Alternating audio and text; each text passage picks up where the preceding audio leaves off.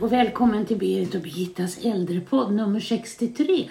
Hej Berit! Hej Birgitta! Allt väl? Absolut. Nu har eh, det börjat att bli lite vinter igen. Ja, Våren tog sig inte riktigt. den tog en paus kan tog man en väl säga. väldigt stor paus Ja, tycker jag. För så mycket snö som det kom hemma hos mig har jag inte haft på hela vintern. Nej.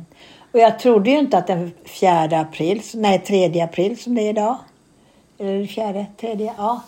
Att jag skulle, skulle prata halkolyckor, för det hör ju till januari, februari. Men det har varit jättemycket halkolyckor eh, den senaste tiden.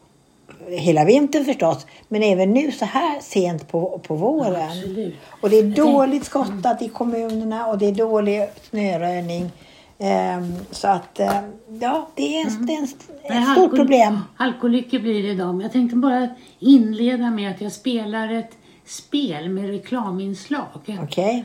Eh, Och ett av de spel man ska...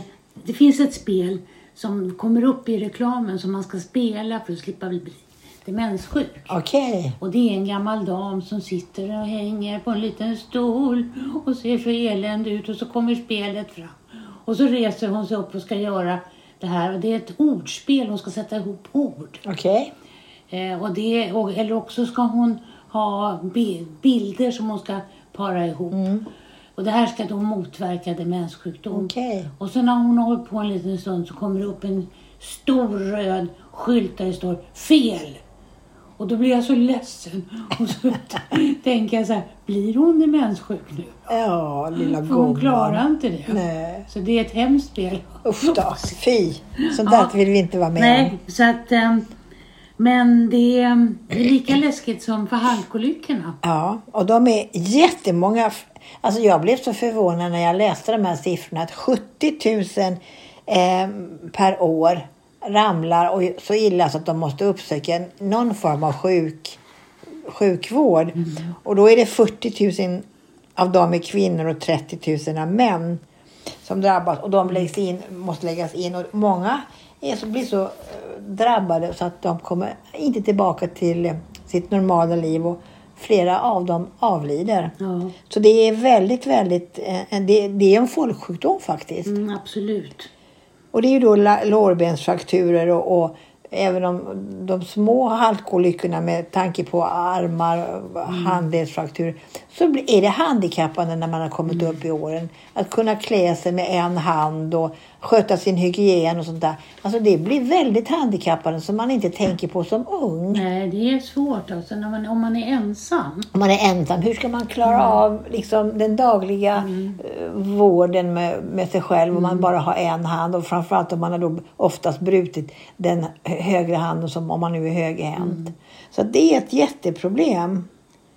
Eh, och eh, som sagt var, en femtedel av alla i avlider inom ett år som har drabbats på sjukhus. Och det är ju, alltså, man pratar om nolltolerans i, i trafiken, man pratar om självmord, att man måste göra någonting åt. Men det här är ju ett lika stort problem. Mm. Precis, och det finns ett barnsäkerhetsråd Ja, som pratar om eh, att förebygga skador för barn. Men det finns inget äldresäkerhetsråd. Mm. På den andra sidan, nej, precis. Så det behöver verkligen finnas. Och det är som du säger, fallolyckor är den olyckstyp som årligen leder till flest dödsfall. Ja, ja.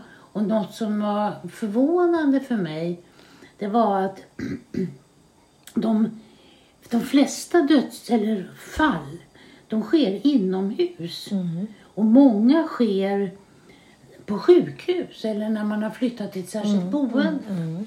Och det kunde man förklara med, med att eh, på ett särskilt boende eh, så känner man, kanske man kommer dit och är demenssjuk och känner inte riktigt igen sig.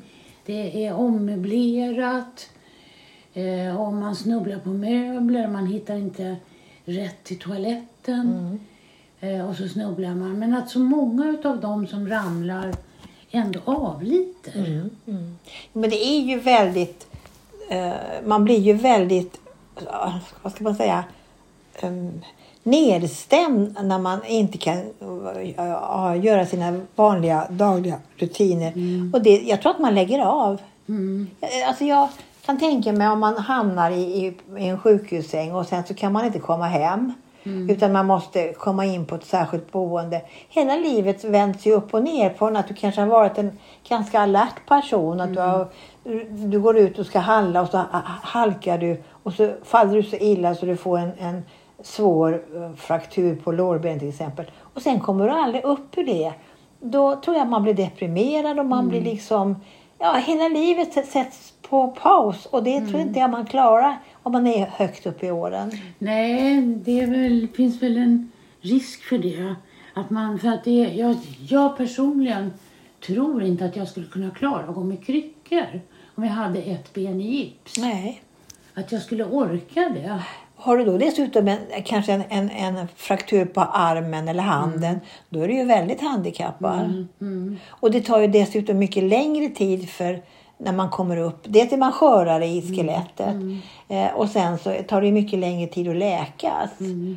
Eh, jag har eh, erfarenhet av en, en alert dam som gick på gym regelbundet och skulle ba, hade halk, halk eh, underlag för sina skor och eh, halkskydd och satt bara ut benet från, från bilen och ram, gled så illa så att hon eh, fick en ordentlig lårbensfraktur.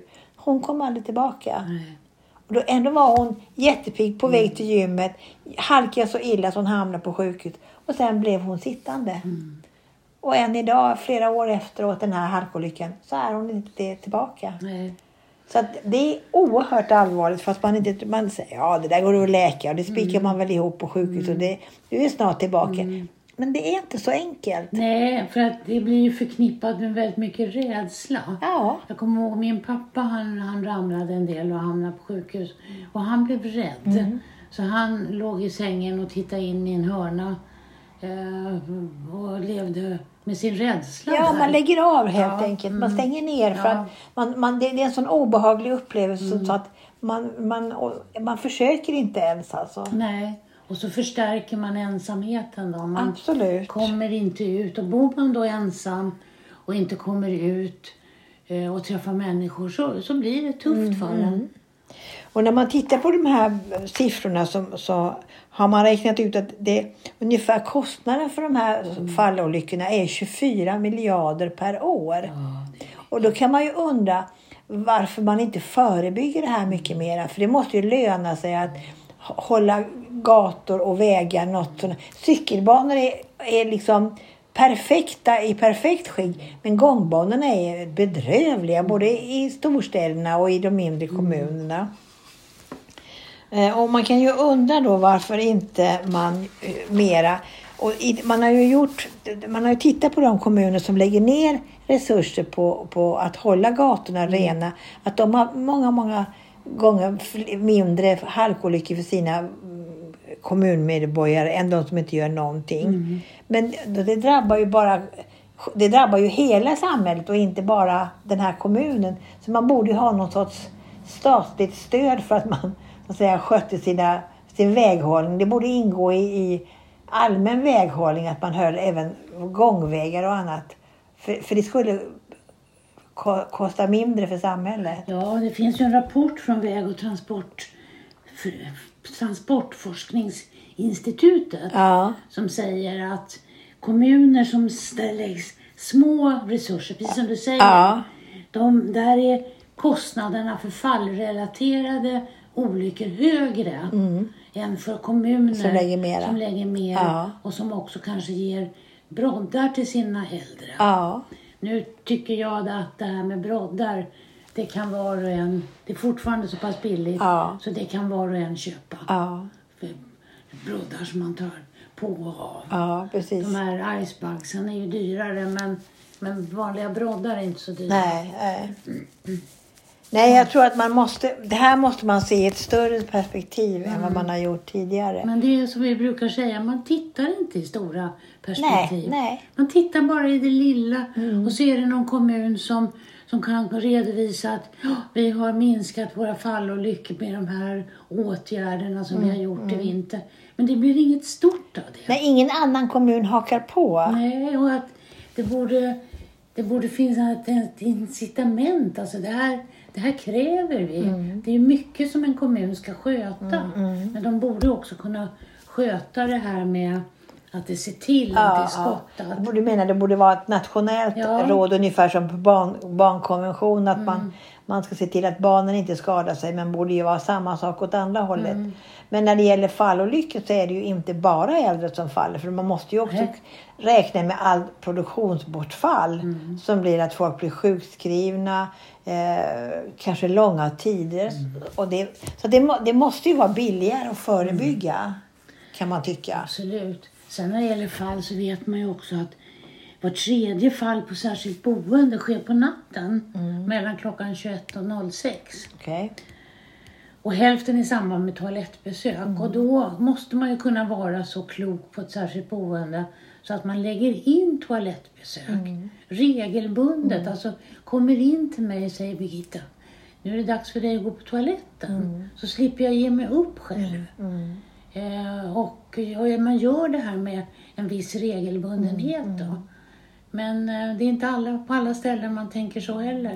Nej, och det ju- handlar ju också om, om personalens kunskaper och framförallt hur, hur stor är styrkan på natten. Har man kanske ett stort boende med flera, eh, flera avdelningar så kanske man bara är en personal på, och i vissa lägen kanske man måste gå ifrån och gå till en annan avdelning för att hjälpa till och man måste vara två personer och sådär. Så att jag tror inte det är så enkelt att lägga in det för att det handlar ju väldigt mycket om resurser, personalresurser. Men det handlar ju också om samhällsekonomiska Absolut. resurser. Man måste, måste tänka Fast nationalekonomiskt man gör ju ibland. inte det. Man gör ju inte det. Man Nej. tittar bara på sin Ja. egna plånbok. Och, och det här är, den här plånboken och det här boendet kostar så här mycket. Och det, då ska man hålla den budgeten. Men man tittar inte i stort alltså. Nej, för man borde kunna räkna ut hur många behöver vi hjälpa på natten. Därför Mm. att de allra flesta på särskilt boende de har någon form av sömntabletter eller lugnande. Ja. Vilket ju också är farligt när de är uppe och går. Men då borde man kunna räkna ut hur många har vi som vi behöver hjälpa till Mm. på natten och ta på toaletten. Istället för att binda dem med grindar och en blöja. Mm. Och då borde man kunna se, jo men om vi gör det så kanske vi kan minska fallolyckorna Mm. med så här. Därför att om de kommer tillbaka med en lårbensfraktur så måste det plötsligt vara två personal. Mm. Nej, men man tittar inte på det så. Det, och det är många saker man inte tittar på det mer än precis bara när det händer. Och så gör man någonting åt just det. Mm. Men, men eh, som sagt man borde göra det större. Ja, Ja, absolut. Men vi får väl hoppas att det är någon klok, klokskap som kommer fram någon gång när man tittar på det här. Ja, jag vet inte om jag är så hoppfull när det gäller det. Sen, är det ju, sen får vi inte glömma, Berit, det här egna ansvaret.